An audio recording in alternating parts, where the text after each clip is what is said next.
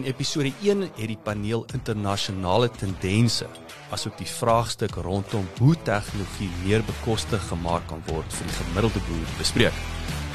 In episode 2 verskuif die fokus na die naspeurbaarheid van produkte en die rol wat tegnologie daarin vervul, asook die multidissiplinêre benadering wat boerdery in die toekoms gaan veg. Lekker leer en lekker luister. Vra ons hoe hoe gaan ons dan nou maak want kyk ons boere leer by mekaar ook nê. Hoe deel ons daai inligting en hoe gaan ons kyk want dit gaan later gaan dit ook natuurlik wees wat is die winsgewendheid per streek. Dit word uh, party streke se winsgewendheid is beter as ander en hoe kyk ons daarna om dit meer noukeurig toe te pas? Winsgewendheid per streek. Dit moet winsgewendheid per plaas per plaas. Jy moet yeah. eers die plaas winsgewend kry voor jy streek voor jy streek kry. Kyk, jy, dit begin by jou eie boerdery en elke produsent gaan uit die aard van die saak. Hy gaan indringend gaan kyk na wat is dit wat ek moet doen om volhoubaar te kan wees. Jy weet, aan die einde van die dag boer ek nie omdat mieliesplant lekker is of wat ook nie. Ek moet volhoubaar kan boer. Ek moet vir my gesin kan sorg. Dis basiese beginsels. Wat is als nodig? Ons beweeg baie vinnig weg. Ek wil nie sê ons is lankal weg nie, maar ons beweeg baie vinnig weg. Omstandighede in Suid-Afrika waar monokultuur sê mielieproduksie net genoeg gaan wees. Jy sien ons sien groot plase wat wel nog so opereer, maar waar ekonomie van skaal het die ander tekortkominge aangespreek. As jy praat oor 'n deursnee boer en jy kyk na mielies byvoorbeeld in die winsgewendheid van mielies in vergelyking met sonneblom, ek sê want dis wat ons daar in die weste kan doen, dan moet ek sê ek kan nie oorleef net met mielies nie. Ek moet mielies en sonneblom en dan moet ek sojabone of ek bedroebone of iets bybring. So produsente gaan absoluut genoodsaak wees. Ons het vir jare gepraat van diversifisering en wisselbou en al daai tipe goed. En daar's nog 'n grappie wat die Vrystaat se mielieboere gemaak het. Hulle doen wisselbou tussen wit en geel mielies eet. Ja. Dit gaan nie meer geld nie. Yes. Dit gaan nie eenvoudig nie meer geld nie. Ja. Die boer gaan sit, hy gaan sy sommetjie maak en hy gaan dit doen wat winsgewend is. Mm. En hy gaan nie Jacques se trekker kan koop as hy dit nie doen nie. Mm -hmm. Ons het nou gesels oor satellietbeelde, Google Earth, wat jy die tools wat al tot yes. beskikking is uh, in terme van klimaatdata, weet jou spoed. En as jy nou maar net hoe ons baie meer uh, weet strategies en holisties kyk na patrone van hoe grondgebruik verander. Dit is nou maar vrek vinnig, nê. As jy dink milie hektare van 4 miljoen af na 2.5 miljoen, 2.6 miljoen Suid-Afrika. Soja op van 200 000 hektaar na 800 900 000 hektaar. Die goed verander ja. ongelooflik vinnig. Dis daai hele dinamiek wat 'n rol speel van as daar gaping is, gaan die ouens nie net hier in Afrika ook. As jy kyk hoe hulle switch Zambië nee, vat hulle hektare op. As hulle by export parity kom as daar surplus is op mielies, sojas, hier gaan sojas op export parity. Nou is daar surplus van soja, hoenders dieselfde. So dis ongelooflik as jy in in daai mark kan beweeg en eintlik observeer hoe vinnig patrone verander. Die hele toegang tot data raak definitief beter. Ek voel ons is nou baie krities oor weet hoe gebruiklik hierdie data is en wat dit kos, maar ek dink as ons net bietjie vir onsself knyp en sê, "Hey, maar wag net 'n bietjie. Kom ons kom ons kyk eintlik wat tot ons beskikking is en wat actually verniet en toeganklik is." En ek dink daar speel die donors maar ook 'n groot rol. Hulle kom in dat daar gaan 'n klomp protokolle rondom data nog uitgesorteer moet word daar's is ook 'n groot dryf om ten minste data wat genereer word deur satelliete en grondtipes en klimaatpatrone daai goed raak baie baie baie beskikbaar en ook algoritmes rondom dit raak beskikbaar wat vrylik toeganklik is vir boere.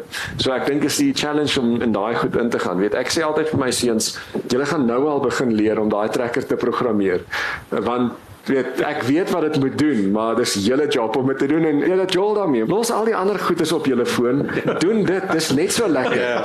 Dit is flippend lekker om 'n ding te programmeer en gelukkig hou hulle daarvan. Ja, ja. So, ja, dit was my interessant geweest. Ek was nou die dag by 'n boer geweest wat ehm um, hy's 'n ingenieur, geleer om ingenieur te wees en toe hy uh, uit sy eie toepassing sy eie app vir sy plaas geskryf.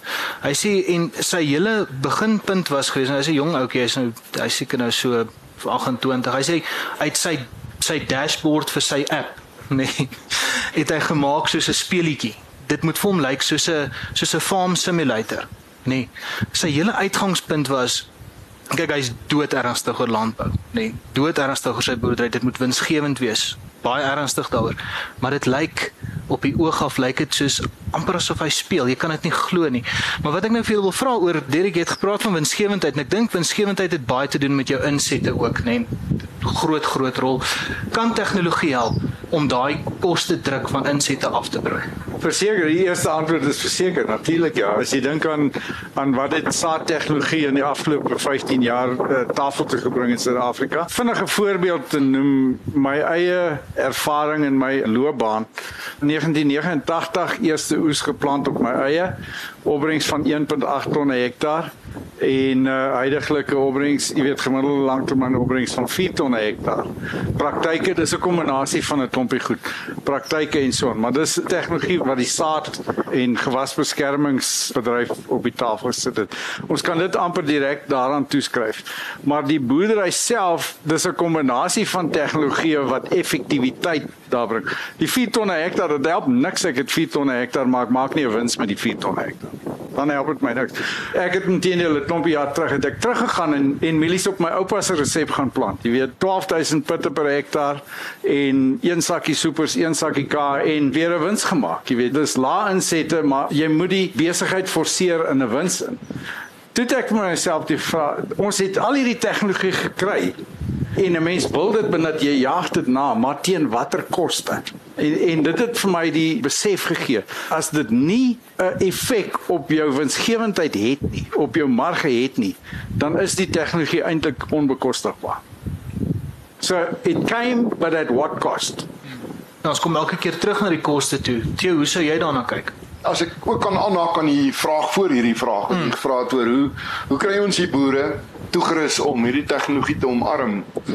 Die ekonomie van skaal speel so 'n groot rol in winsgewendheid. Maak nie saak waar jy in die wêreld gaan nie, groot boere word die hele tyd groter, klein boere val uit die bus uit.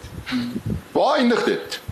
Eindig op die ou end dat jy 'n klomp korporasies het, groot multinasjonale maatskappye wat boer. Hmm. En dan sal nie meer 'n platlandse alternatiewe stadslewe nie. Soos dit is. Wil ek vir jou sê waar, waar ek vandaan kom in die Letaba distrik, is dit 'n slagveld van klein dorpies. Klein dorpies gaan dood teen 'n spoed. Om 'n laerskool toe maak of 'n kerk toe maak of 'n koöperasie toe maak, as een van daai drie toe maak, dan dan val die hele dorpie om. En dan is dit die volgende groter dorp wat begin swaar trek.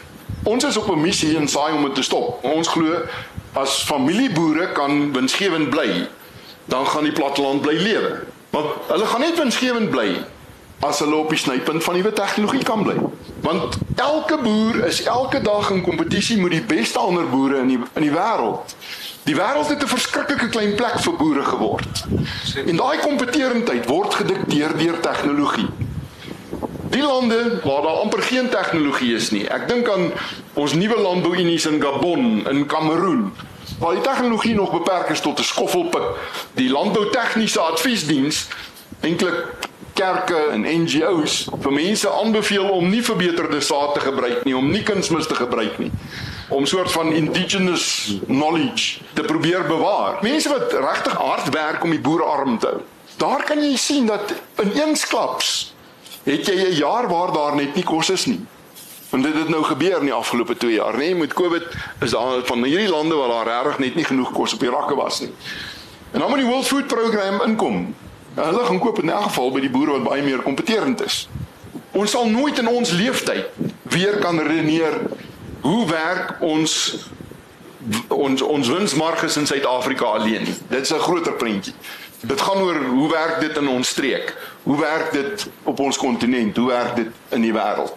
En daaroor is dit verskriklik belangrik dat ons sterre in die oë sit van boere wat nog nie 25 jaar oud is oor wat die moontlikhede hier is. Ek was in seker 100 kongresse oor die afgelope paar jaar waar daar gesê word landbou moet meer seksie gemaak word vir jong mense.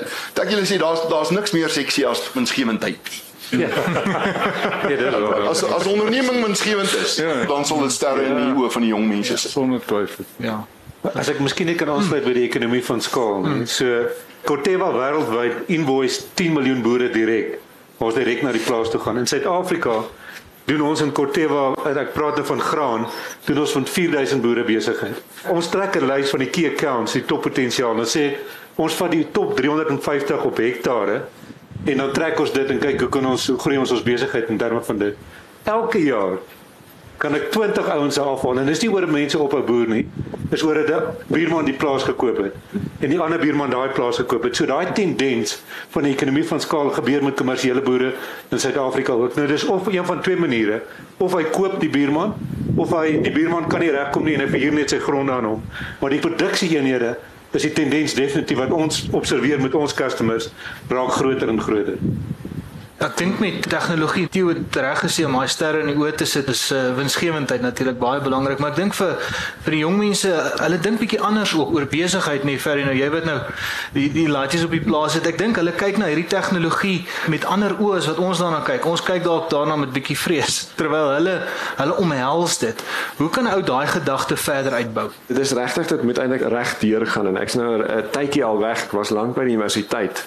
Dis daai partnerships, ons het al daaroor gepraat, mm -hmm. maar hoe belangrik is dit regtig, nê, nee, jou jou partnerships tussen jou skole, jou universiteit, jou private sektor so baie keer raak mense frustreerd en jy sê jy van hierdie universiteite, jy weet, wat is jou doelstelling? Dis grait om akademiese artikels te skryf, maar om met privaat sektor om 'n band te bou en om regtig doelgerigte onderrig en die regte materiaal in die klaskamer in te kry en selfs van skoolvlak af is so belangrik nie.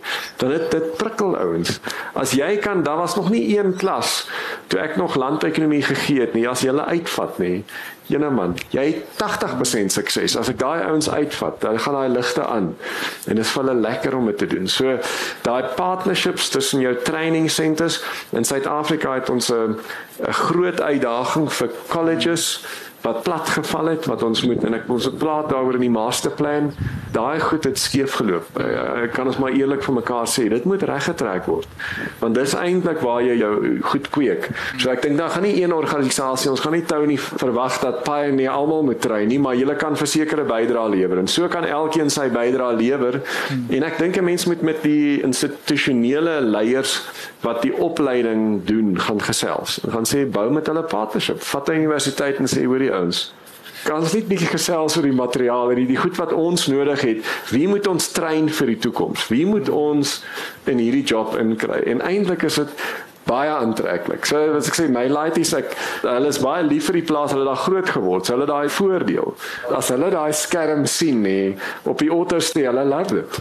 Ek voel hulle wil baie graag daar gaan sit en werk en hulle pak hom net aan met 'n ander update as wat ek hom aanpak. Ja. Ek dink daar's 'n ongelooflike geleentheid, maar kyk ek is 'n bietjie bekommerd oor ons opleiding gedeelte dat daar nie fyn genoeg daarna gekyk word nie en elkeen wag op die ander party. Ek dink daar daar moet nie meer gewag word nie en ek dink daar's baie goeie voorbeelde waar daar goeie partnerships gevorm word.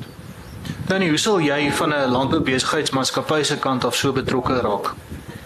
Ja, ek het die voorreg gehad om so rukkie in Iowa te werk en wat Pioneer op daai stadium gedoen het is obviously op skoolvlak begin.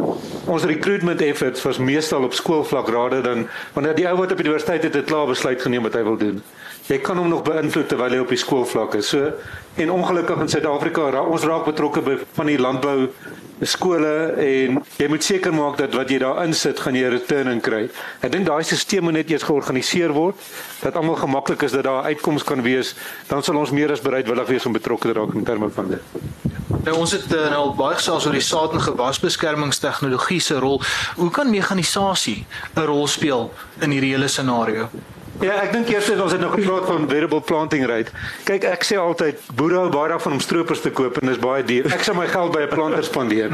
In Noord-Amerika is daar groot effort in terme van presisie plantery. Pioneer spandeer baie geld Corteva spandeer baie geld daar om opleiding te gee oor die plantgedeelte want dis amper die belangrikste gedeelte in terme van die proses. So variable planting, verskillende hybrids, daar kan tegnologie baie groot rol speel, maar as jy nou gaan kyk in terme van toepassing van chemie, hmm. die nozzles, die sprays, ja. daar speel dit 'n groot rol. Voorheen was dit uh voor die druk daar was, was dit maklik om ons gooi die tank in en ons spuit. Hmm. Nou gaan kyk jy op die blaar deur middel van tegnologie waar word hy regtig toegepas en jy pas dit aan. So tegnologie oor die toepassing en in terme van plant kan 'n groot rol speel in terme van produktiwiteit van boere. Ons het daar in die verslag, jy kan hom op ons webwerf gaan aflaai. Ons het 'n uh, oesverlies, 'n yield loss app gaan skryf en ons het hom gaan doen waar ons 'n uh, hula hoop gevat het, nê? Nee? En ons het gesê dis die oppervlakte van die hula hoop en dan sê jy voor oes verlies. Ja, ja. Dan kom jy oor en stroop jy en kyk jy wat mors die tafel, wat mors die masjien. Hmm. Nou ek wil daai Tony dit was hier reising. Daai daai boere se oor was groot geweest en ek wil ek ken dit self van ons plaas. Nee mens, daai soms so jy's reg. Die planter is belangrik, maar na daai studie sê ek amper die stroper is belangrik. Ek sê graag aan jou data. Want liewe genade, nee, jy kan gaan kyk na die verslag, die, die gemiddelde verlies op soja wat ons gedoen het en dit was groot boere, smart stropers. As hy nie reggestel is of as hy kontrakteer is, 150 200 kg hektaar. So jy kan dit maar maal met jou soja prys. Jy kyk hier na 1500 van die ouens het tot 2000 rand per hektaar verloor. Oes oes verlies. So enorme oes verlies. Die masjiene kan dit doen, maar as die operator wat moet reg instel, die regte spoed en al daai goed. So nog een ding op die variable seeding rate. Ek gou ook 'n oulike storie oor dit van die resultate. Ons het nou um, twee seisoene se data en dis nou hierdie data intensive goed, né? Nee. Nou Tony, daai het ons En daai een plat was dit nou so 1500 observasies. Nou kyk ons, ons het die plante laat hardloop en dit was op mielies van 15000 plante hektaar na 45000 plante hektaar. Dit daai plante varieer. En wat ons gesien het op die yield curve, nê, nee, hier by 22000 plante maak die yield dit dip, dan gaan hy af en dan kom hy dan gaan hy weer laer en dan kom hy weer by 35000 dan gaan hy op en dan kom hy weer af. En niemand kan verstaan daar's nie te sê die boere dis baie maklik. Die kultivar dit was toevallig een van julle kultivars. Jy moet seker maak oor die plante stand want jy maak die plant deur mekaar. Dis dit as 'n meerkoppige plant. Op 'n sekere hoef plante stand en dit wys weer eens hoe smart daai genetika eintlik ontwikkel is. As jy die regte plante stand dan maak hy twee koppe. Hy besluit klaar hy gaan twee koppe maak. Tussenin was hy deurmekaar of dit 'n een kop of 'n twee kop ja, ja. is. En as jy hom dig genoeg plant, dan maak hy net een kop en 'n groot kop. Nee. So dit het uitgekom in die data ook. Ja, ja. So op is met elke variëteit kyk ons na wat is die optimum, want dit dalk nie jy moet ek gaan nou nie 'n naam van 'n kultuur noem jy plant 80000 maar jou optimum op jou hiel is op 60000. Nie so wanneer ons 'n aanbeveling maak, het ons reeds daai proewe gedoen en sê op 60000 sal hierdie produk vir jou maksimum gee. Nou obviously met variable moet jy nou die potensiaal van die grond en die grondtipe by dit inbring. Hmm. Maar as jy daai spesifieke variëteit op daai grondtipe bo kan sê maksimum stoot gaan hy nie vir jou meer opgebring gee nie. Ja. Kyk ons ons praat baie oor plant en en en stroop, maar ek dink spuit maak 'n groot groot verskil ook, nê. Tony van julle kant af, wat is van die nuwe ontwikkelings in spuittegnologie en spuitprodukte wat ons na kyk tans? Ons is nie in die besigheid van spesifiek toepassing nie. Dit moet Jacques hulle vir julle help maar hmm. wat wel wat ek kom vir jou sê wat wêreldwyd gebeur is hmm. obviously wanneer jy 'n herbicide apply dan spuit jy die hele land. Hmm. Daar's tegnologie wat ontwikkel is wat die spesifieke onkruid identifiseer en net sekere hoeveelheid op hom toe pas. So daar is groot ontwikkelinge rondom dit en dit gaan obviously winsgewendheid beïnvloed want jy het nie nodig om 'n generiese toepassing oor die hele land te doen nie. Ja. So ek dink daar's redelike ontwikkeling. Ons is nou nie self in dit nie, maar wat veranderings gaan bring in die toekoms. Ja. Die tegnologie wat jy toepas Wat interessant is, jy's in die vrugtebedryf. Ja. Hoe sien jy dit? Uh, ons praat nou baie mielies en sojabone en in graangewasse. Terme van vrugte, wat sien jy wat gebeur? Daar by ons is die uitvoermark vir ons ontsettend belangrik. Die meeste van ons vrugte gaan uit en jy produseer daar in 'n 'n mark in wat verskriklik fyn gevoelig is. On, ons het eintlik 3 markte in die wêreld en ons het al 3 van hulle in Suid-Afrika. Daar's 'n mark vir wie prys die belangrikste is. Wat, wat is beskikbaar? Wat kan ek koop om vandag te eet? Hoe gee ek kos vir my gesin vandag? Hmm. En uh, dis die Afrika mark en dit is 'n te groot mark nog in Suid-Afrika. Ons het 'n mark vir wie dit net belangrik is om 'n goeie mengsel op die bord te hê vanaand. Die middelklas mark vir wie gesondheid 'n groot kwessie is in dieet. Maar dan is daar die ryk deel van die wêreld wat wil weet hoe is hierdie mielie geproduseer voor ek die pap gaan eet? Wat is op hom gespuit? Wat se kunsmis het in hierdie grond ingegaan. Hoe is hierdie vark behandel voordat hy geslag is? En hulle wil 'n QR-kode scan en hulle wil die hele geskiedenis daarvan sien. En ons moet heeltemal aanvaar dat daai mark gaan groter en groter word en ons gaan moet byhou by hierdie immer hoër standaarde. Wat vir ons verskriklik belangrik is is dat daai naspeurbaarheid op 'n 'n manier aangebied word dat dit aantreklik is vir die vrou wat voor 'n winkelrak besluit of sy my avokado's gaan koop of iemand anders gaan koop uit Mexiko of uit Brasilië of so. Dis die belangrikste persoon in ons lewens as boere. Die verbruiker is vir wie ons boer. John Purchase sê altyd, jy weet ons praat van waardeketTINGS oor net hierdie een rede. Jy kan nie 'n ketting stoot nie. Jy kan hom net trek. En daar's geen ander trekkrag as die mark nie. So vir ons in die vrugtebedryf gaan dit oor hoe vry ons na daai dame wat besluit wat gaan in 'n mandjie in vanaand.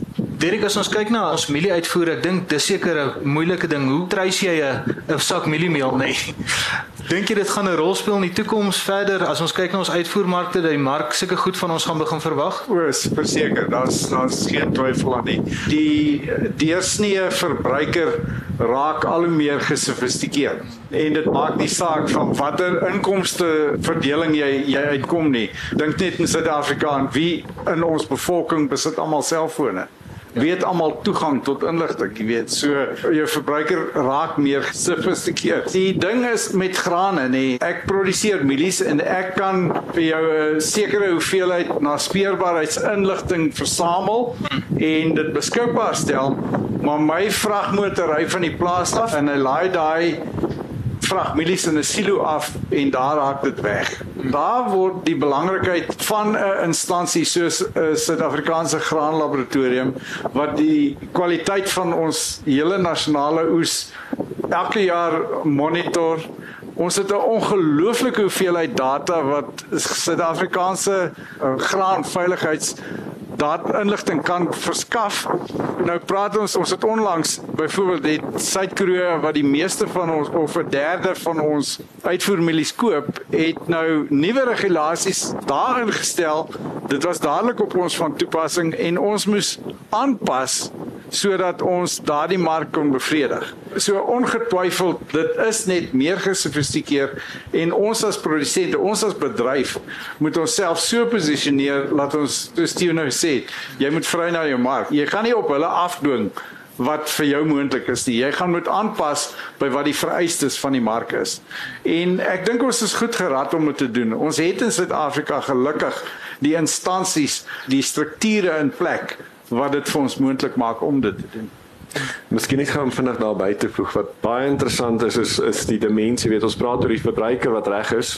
Dit was altyd die element van klimaatsverandering raak al hoe groter en groter wat hulle aanhaak by die ja. kom ons noem by die paspoort stelsel nê. Nee. So die paspoort om jou goed te kan uitvoer, traceability, hoe dit geproduseer is, heeltemal reg, maar dan ook jou jou footprint en en klimaat. En dis eintlik ek het nou die dag pak gekry want ek het nou dit na onderhandeling onderhandelinge nou klaar is en en iemand my daaroor kommentaar gevra en ek sê dit is alles goed en wel, hmm. maar kies jou mark waar jy dit wil toepas. Want dit help nou min as jy vir 'n Kenia daai pastoralist gaan sê hoor die ouens sorry julle kan nie meer beeste produseer nie want dis nou sleg vir jou uh, uitlaat uitlaatgas. So toe is ek eintlik tereggewys om eintlik te sê die stelsel, weet die stelsel wat hulle toepas moet eintlik carbon positive neutral. of negative en neutral nou wees, nê? Nee, en eintlik kan daar 'n rede wees waar dit carbon negative kan raak. So dit gaan meer oor die produksiestelsels. Die lang storie kort is as daai ouens gaan vleis uitvoer uh, en wat hulle graag wil doen. Hulle wil Botswana se model volg van vleisuitvoere. Gaan hulle moet begin kyk na daai goed van van hulle markte gaan dit vereis. Dis is nie meer jou net safety en wat toegepas is en wat gespuit is, maar ook is dit in 'n volhoubare manier geproduseer. So al hierdie dinge kom in en dit gaan natuurlik tegnologie. Jy gaan nie sonder tegnologie dit kan doen nie. Dit kan ons maar vir mekaar sê. Ja, ek was hier nog by 'n drywerboer gewees wat vir my gesê het, weet jy, ek boer nie meer nie. Al wat ek doen is ek sit en vul vormpies in. Dis wat die arme man doen. So, die hoe kan tegnologie daai man help om nie net heeldag vormpies in te vul nie, maar eintlik by sy lande of by sy prele uit te kom en sy werk te kan doen? Hoe gaan tegnologie om daarmee kan? Wel, daar's daar's wonderlike tegnologie wat deesdae self daai vormpie genereer en invul, né? Ons beweeg gelukkig ook ook so intoe, maar maar kan ek gou aanhak oor die pastoralists? Toe ek op die Pan African Farmers Organisation was, het ons 'n projek gekry om te probeer om hierdie mense te organiseer. Daar's baie in Oos-Afrika en daar's baie in Wes-Afrika.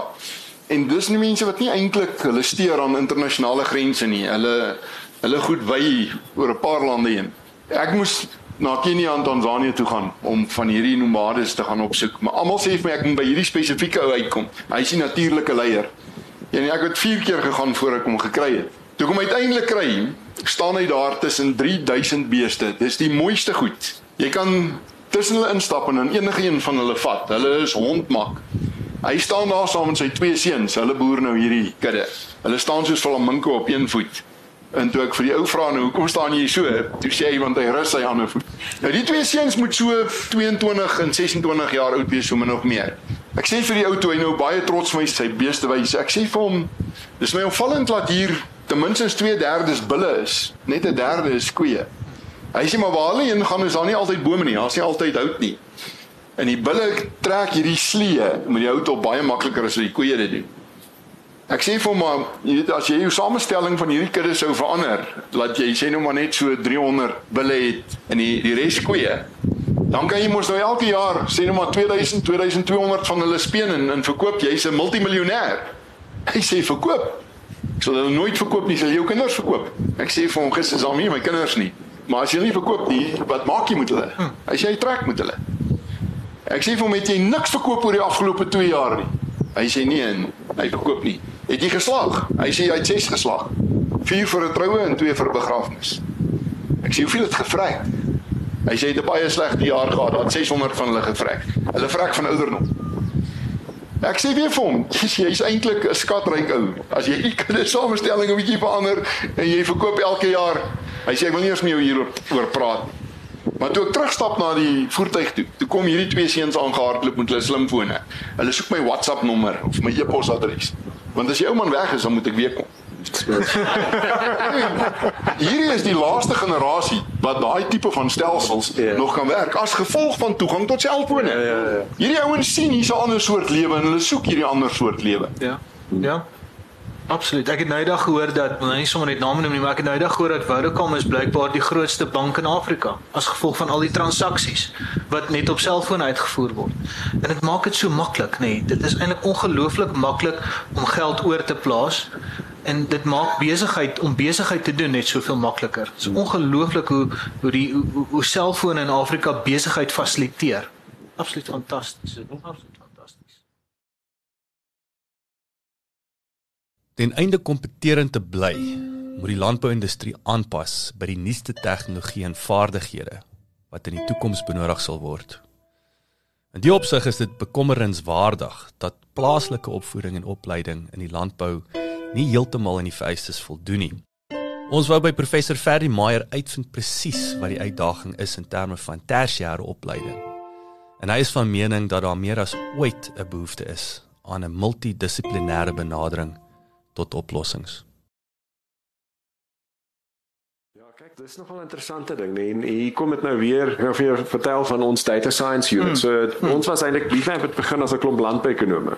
Ons het voedselwetenskap ook gehad wat die verbruikers, soos daai ketting altyd gesê het, daai ons end-to-end Ek kyk 'n landbouekonoom reken mos eintlik hy's 'n bedryfsingenieur ook, maar dis nie waar nie. Ons hou van die hele ketting, maar ons is nie opgeleide bedryfsingenieurs nie totdat jy nou ontmoet en sien wat hulle kan doen. Dan besef jy nou eintlik, weet jy, hy's nie 'n bedryfsingenieur nie, maar ons kyk na die ekonomie van die ketting. Kom stel dit so, dit is dis ons dissipline hierdie hele multidissiplinary approach tot oplossings. Hoe kyk ons na oplossings? Dis eintlik wonderlik om dit te kan sien. So jou kombinasie, so dit gaan nie net een dissipline wees wat hierdie ding gaan dryf nie. Dit gaan 'n multibenadering wees tot oplossings. En dit is jou data scientists, jou wiskunde, jou bedryfsingenieurs, jou ekonome en jou GIS mense. Dit is jou redelik jou kombinasie. Nou moet jy 'n paar meganiese ingenieurs hê. Dis jammer dat Suid-Afrika nie meer landbouingenieurs wees het. Weet julle dat daar nie meer Natal het nou ook opgehou met landbouingenieurswese? Dink hulle was die laaste ouens wat nog landbouingenieurswese gedoen het. So dis jammer, maar ek dink op die ou einde as 'n mens na 'n samestelling 'n multidissipline gaan kyk, ek, ek weet hoe dit by ons werk. Ons gaan sit letterlik om 'n tafel ons ons tackle die probleem. En jy kry jou insette en invalshoeke van verskillende maniere hoe probleme opgelos word. 'n Ingenieur los 'n probleem anders op as 'n ekonom. As jy vir myself die vraagstuk gee. Die universiteite praat altyd en ek wil regtig nie universiteite kritiseer nie. Hulle doen 'n great job, maar multidisciplinary research, nee, is ek dink is baie anders as wat tans universiteite dit verkoop en actually praktiseer. Hulle sukkel om dit te doen. As ek dit so kan noem. So die materiaal hoe ons ons kinders gaan oplei, ek dink die Amerikaners is miskien ons daar bietjie voor. Hulle het 'n baie meer holistiese manier hoe hulle kinders opvoed. As ek dink my groot mentor ou Pat Westhoff het 'n bachelor's gehad in Latin languages. Hy het uit Spaans gehad en al en daar's hy seker die top landbouekonoom of modelleerder in die wêreld wat verstaan hoe prysiklusse werk. Dit is 'n interessante spin hoe ons ons kinders gaan oplei in hierdie multidissiplinêre omgewing. So ek dink die materiaal bestaan dit is, is 'n kwessie van hoe ons vraagstukke gaan oplos. Saam dit gaan oplos en na verskillende hoeke na 'n vraagstuk gaan kyk. Dat as jy dit plaasvlak toe vat nê, nee, dan dink jy aan 'n gereedskapkas en wat vol gereedskap is. Ja. Ek het vir my seun destyds gesê voor hy universiteit is, gaan rig jouself toe om die beste boer te wees as wat jy kan. Nou is die nuwe vraagstuk, ek meen dit het vir hom gegeld toe hy universiteit was en hy het sekere vakkeuses en so aan gemaak. Wat is dit wat 'n voornemende boer nou moet weet om 'n suksesvolle boer te kan wees? Ferdi praat van sy kinders, hy moedig hulle aan om die programmering te kan doen. Dis 'n vaardigheid wat hy gaan moet hê. Die vermoë om data te kan interpreteer, data te kan myn en interpreteer is 'n vaardigheid wat die boer gaan moet hê. Die masjien gaan vir jou sê hoe om die plante stand hoe om die diepte en al daai goed, al daai goed wat ek moes geweet het en verwag het van iemand wat vir my gehelp het op die plaas. Jy weet, weet jy hoe om seker te maak dat die saad op die regte diepte op die regte plek, die kunsmis die regte plek lê. Daai goed gaan die masjiene vir jou doen. Die deursnee boer gaan 'n ander klomp gereedskap in sy gereedskapkas nodig hê. Dis op ons vlak om seker te maak dat daai rigting verander tydig in plek is. As dit nou plaasvlak vat, die uitdaging van hierdie soort van navorsing, multidissiplinêre navorsing op 'n globale vlak gaan oor hoe gaan ons meer produseer op minder en met minder. Dis waartoe ons navorsing afgestem moet wees. As ons nog 2 miljard meer mense gaan hê waarskynlik in ons leeftyd. Soveel meer druk op die voedselstelsels. Soveel meer druk op ons eie voetspoor in die natuur, in die klimaat en die tipe van goed dan is die groot vraag hoe, hoe produseer ons meer met minder en in op minder? En ons gaan dit net reg kry deur beter tegnologie. Nie net meganiese tegnologie hmm. biotehnologie die sade wat ons gebruik die data tegnologie maar ook hoe sit ons 'n beter boer in die veld? Ek luister met groot aandag na julle wat praat oor julle seuns wat gaan boer Ek sien nou vir julle ons grootste uitdaging is om seker te maak dat dit 'n beter boer is wat ons op die plaas los as wat ons was. Wat 'n ander verstaan het van die mark waarin hy produseer en die maniere waarop geproduseer het, wat 'n ander aanvoeling het vir die verbruiker ook. En dit beteken noodwendig dat ons moet doen wat jy sê jy doen. Op 'n kol sê van hierdie punt af gaan ek my nou nie verder instudeer in hierdie goed nie. Ek gee die bal al vir jou aan. Net soos ons in elk geval doen met die afstandbeheer van die TV. Roep die tiener as die TV nie wil aangaan nie. Ons doen dit nou met ons masjien op. Ek kan ek gou 'n grappie vertel vir op daai populasie Tony, julle yeah. sales stitch was pioneer nee wat julle gesê het. Alles is onder beheer. Moenie worry nie. Die wêreld se populasie groei met 1%, 1.2%, maar pioneer se gemiddelde opbrengs vir die laaste 50 jaar het met 2% per jaar. Ja, ja. ek dink dit was julle sê moenie worry nie. Ons het net yeah. soveel grond nodig. Ons gaan teen 2% groei. Ons is vinniger as die populasie. Ek dink dit was julle gewees. Yeah. Ek kan nou dit nie onthou nie. Wel, jou manne daar in Amerika. Yes, ja. Ja, nee, Dirk Pien en nou sê, wat moet 'n boer weet? Nee, toe wil ek amper vir jou sê alles. As ek dink aan wat 'n boer alles moet weet, nê, nee, van veeartsenykunde, van grondkunde, nou moet hy nog data by daai koker sit, nê. Nee. Dis 'n groot klomp las wat ons eintlik op ons boere se skouers sit as ek so daaraan dink, nê, nee, van skielik moet boere omtrent alles vir almal wees. Is ek reg as ek so dink? Ja, jy is reg. Ek dink onmiddellik aan my ervaring, jy weet as 'n jong boer het my pa gesê, jy moet alles wees. Met ander woorde, jy moet die meganikus wees, jy moet die maatskaplike werker wees, jy moet alles wees. Dis nou nie meer alles wees nie. Jy moet alles weet. En dis 'n kernverskil. En jy moet die vermoë ontwikkel om sin te maak uit al die inligting. As jy nou net dink aan selfoon en die tempo waarteen data vloei. Ons praat in Engels van there's a total information overload. If you can't make sense of that information, you're going to be lost in the jungle. You're going to be totally lost. It'll be useless. The skills to interpret, to make sense of it all, I think are going to be critical. Dis wat die moderne boer gaan moet wees. Hy gaan moet alles weet. Of hy moet in elk geval die kundigheid ontwikkel om, jy weet, om te verstaan wat is belangrik. Ja. Ja, ek dink verder dit gaan 'n wesenlike impak hê op hoe ons ons toekomstige boere gaan oplei, nê. Skielik gaan ons heeltemal 'n ander pakkie vir hulle moet gee wat hulle die toekoms gaan moet inneem om mee te kan boer.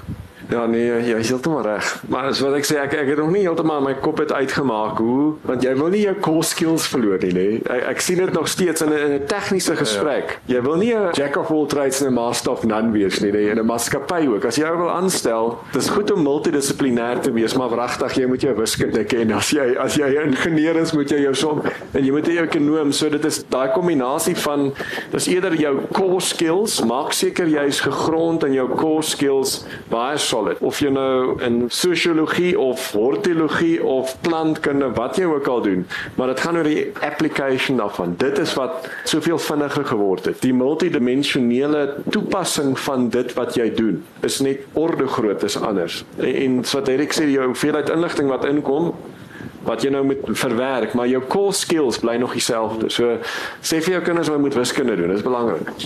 We call them farmers. The word is farm. Ferry talks about the core skills. There's a connection to the land. Hmm. You will never lose the connection to the land. Tio started by giving the example of the technology farm in Italy. They had to drive out to the land. Ferdi told us somebody had to teach the machine hmm. to read the image that it sees. Hmm. You will never lose the connection to the land. Any youngster who's endeavoring to go into farming, it's born out of that passion, it's born out of the connection to the land. And I don't think the core skill will get lost because that's where you live, that's where you do your thing. But in order for you to sustainably stay there, for you to sustainably grow, and live out your life on the farm. There's a different skill set required. But that's change, and the youngsters need to embrace change. Ja, ek dink nie die prentjie van 'n ou wat heeldag agter 'n klomp skerms in sy kantoor sit en sy trekkers opdragte gee om dan daar te gaan spuit en daar te gaan werk gaan heeltemal realiseer nie. nie. ja, ek dink dit is baie waar.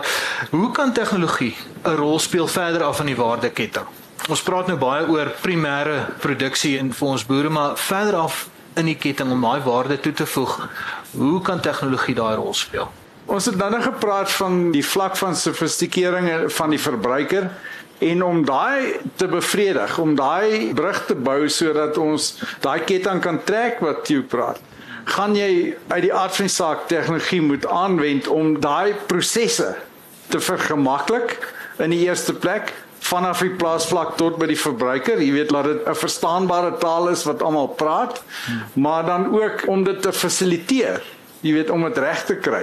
So die tegnologie moet daai goed moet al sin maak. Jy moet hier 'n antwoord genereer en die antwoord moet by die regte plek uitkom, by die persoon wat die vraag vra moet dit uitkom en dit kan net tegnologie wees wat dit maklik maak. As jy nou dink as ek fisies met 'n pen moet gaan neerskryf elke keer watse gif het ek toegedien of onkruiddoder het ek toegedien? Watse tempo al daai goed en dit moet 'n stukkie papier wees en aan die einde van die seisoen is dit die hoeveelheid data wat ek fisies op 'n papier neergeskryf het en nou moet ek dit by die verbruiker kry. Nou dink jy aan die verbruiker hulle moet deur al daai papiere gaan staan en lees om hulle vrae te beantwoord.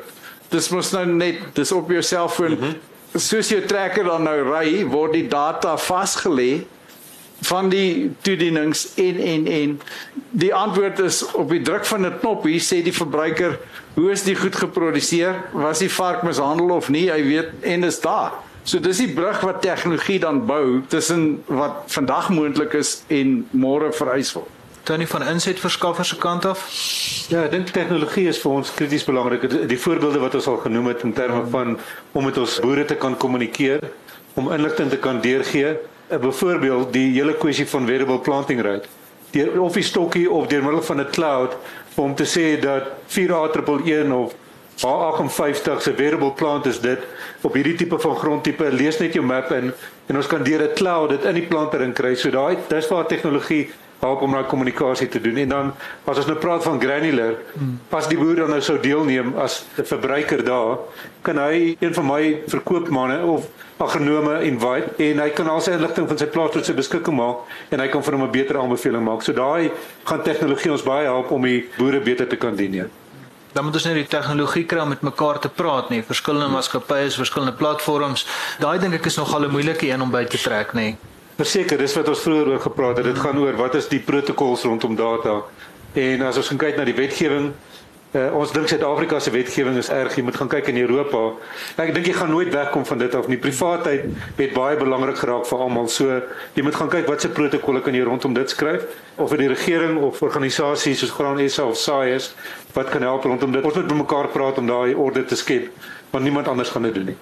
Ja, ek dink dit gaan alles, so wat ons gesê het toe ons begin het aan die begin van die gesprek, samewerking. Ons kan soveel tegnologie inbring as wat ons wil, maar as daai samewerking nie daar is nie, dan het ons moeilikheid. En dis ook 'n vorm van tegnologie. Daar's nuwe maniere om boere te organiseer. WhatsApp groepe vat oor waar boereverenigings 20 jaar was. Ek sit op 6 WhatsApp groepe wat ek elke dag my plaas mee bestuur. Vuur, water, logistiek. Ehm um, daar in Rome is daar 'n ou, hy's die Chief Financial Officer van IFAD, die International Fund for Agricultural Development. Dis min of meer die grootste beursie vir landbouontwikkeling in die wêreld. Dis 'n agentskap van die VN. Hierdie ou as jy in sy kantoor instap man Hy lyk soos Einstein, sy hare staan al die kante toe. Dis die die mekaarste kantoor wat ek in my lewe in was. Dis net lers, die hele mat vol. En hy sit op so 'n stikkende leerstoel. Hy lyk altyd of jy hom pla as jy by hom instap. Eerste keer dat ek by hom instap, val my oë op hierdie prentjie teen sy muur. Dis 'n reuse foto van die plafon tot op die mat. So 'n bruin en wit foto. En op die foto staan New York City, 5th Avenue, 192. Dit is van die derde of vierde vloer van 'n gebou in hierdie straat afgeneem. In die hele straat staan vol perde met waans. En daar tussen hulle is daar een model T-Ford. Ek sê vir hom in hierdie, hy sê it's all about this picture. In die teenoorgestelde muur is 'n soortgelyke foto, ook van die dak tot teen die vloer, swart en wit.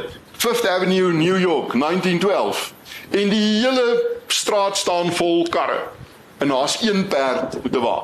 En ek is so half stom geslaan oor hierdie twee. Ek sê vir hom, en dit alles het gebeur in, in 10 jaar. Hy sê vir my, "Wie, hierdie prentjies is om my elke dag te herinner hoe ek my werk moet benader." Hy sê, "Want kyk na die tragiek van hierdie prentjie, die een met die baie perde op. Hierdie perde het niks verkeerd gedoen nie. Hulle grootste sonde was, hulle het nie verstaan wat beteken hierdie kar tussen hulle nie. Hulle het nie gesien wat kom 10 jaar later nie. Hy sê eintlik nog meer tragies is daai boere wat die perde geteel het. Want hulle het gedink 'n perd moet sterker en vinniger en groter wees, want die mensdom sal altyd vervoer nodig hê. Maar toe daai karriers gekom het, dis die einde van die perd. Ek wil vir julle sê ek dink dieselfde as jy, ons gaan nie op 'n punt kom waar masjiene ons werk gaan oorneem as boere nie. Ek dink dit is goed dat 'n ou die horisonne van die tegnologie die heeltyd toets en ek het 'n droom om saam met die groot spelers in die tegnologie omgewing, ek het al met Jacques daaroor gesels, so 'n plaas in Suid-Afrika op te sit. Wat eksperimenteel net die heeltyd die horisonne van die tegnologie toets. Dis nie nodig dat 'n boer al daai tegnologie gaan aanlê nie, maar 'n boer moet presies weet wat kan die tegnologie doen, laat hy 'n geweegde keuse kan maak oor wat hy implementeer en wat nie. En data, data is die presisie deel van presisie boerdery. Data is daai kar wat nou tussen die perde staan. Dis baie baie. Fer ek wil nou vir jou vra, ouens wat nou nuwe toetreders tot landbou is, nê, nee, hulle gebruik van data. Hoe gaan ons daai ouens help?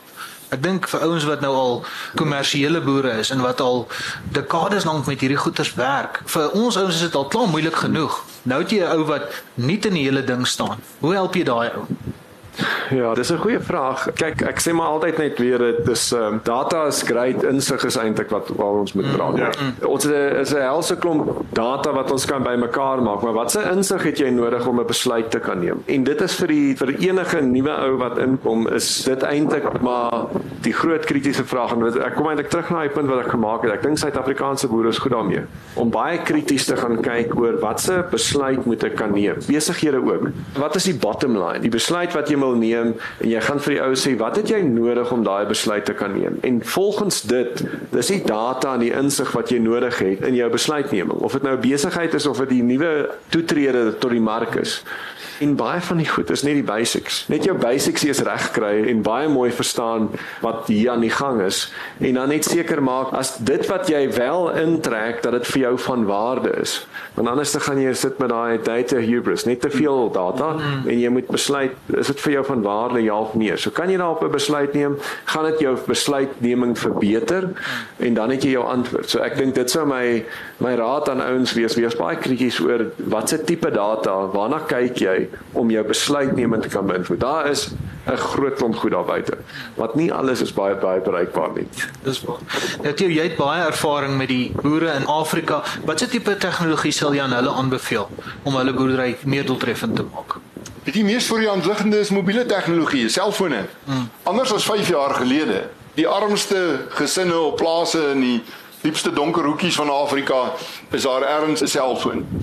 En dit is moontlik nie net om met daai boere te kommunikeer nie, maar ook om 'n antwoord van hulle terug te kry. So jy kan data oes ook. Die moontlikhede vir landboutegniese adviesdienste het skielik oopgegaan.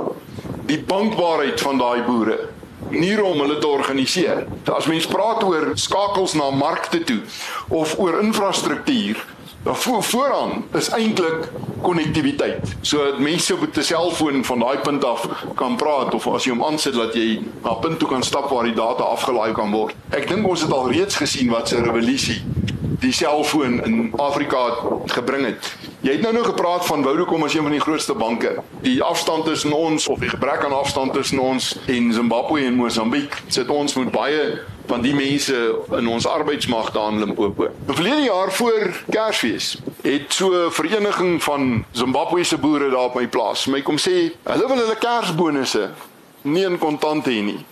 Ek moet vir hulle ligtyd koop. En ek kon dit nie verstaan nie. Weet julle hoeveel ligtyd is dit? En toe sê een van hulle vir my, die gomma gommas, die bendes daar op die grens, kan nie jou ligtyd van jou vat nie. Dis hier op jou selfoon. In 'n minuut is 'n minuut. Dit is vasgestel. Dis eintlik 'n baie veilige wisselkoers. Wanneer jy gaan in Zimbabwe aan en dan verkoop jy nou hierdie ligtyd aan iemand anders, jy maak dit tot kontant daar. Dis ongelooflik wat se innovasie daar in Afrika ontstaan het rondom mobiele tegnologie al. Ek dink as daar nou een ding is wat landbou se waarde kan ontsluit op ons kontinent, dan is dit mobiele tegnologie. Nou, wat 'n tasbare bewys van tyd is geld, hè? ja. Ja, is like. Tony en van julle kant af? Ja, ek, sou definitief saamstem. As ons uh, kyk na Kortewa noord van die Limpopo, hmm. is dit net klein boere, is van 'n halwe hektaar na 2.5 hektaar. Daar's verskriklik baie geleenthede in terme van bemarking.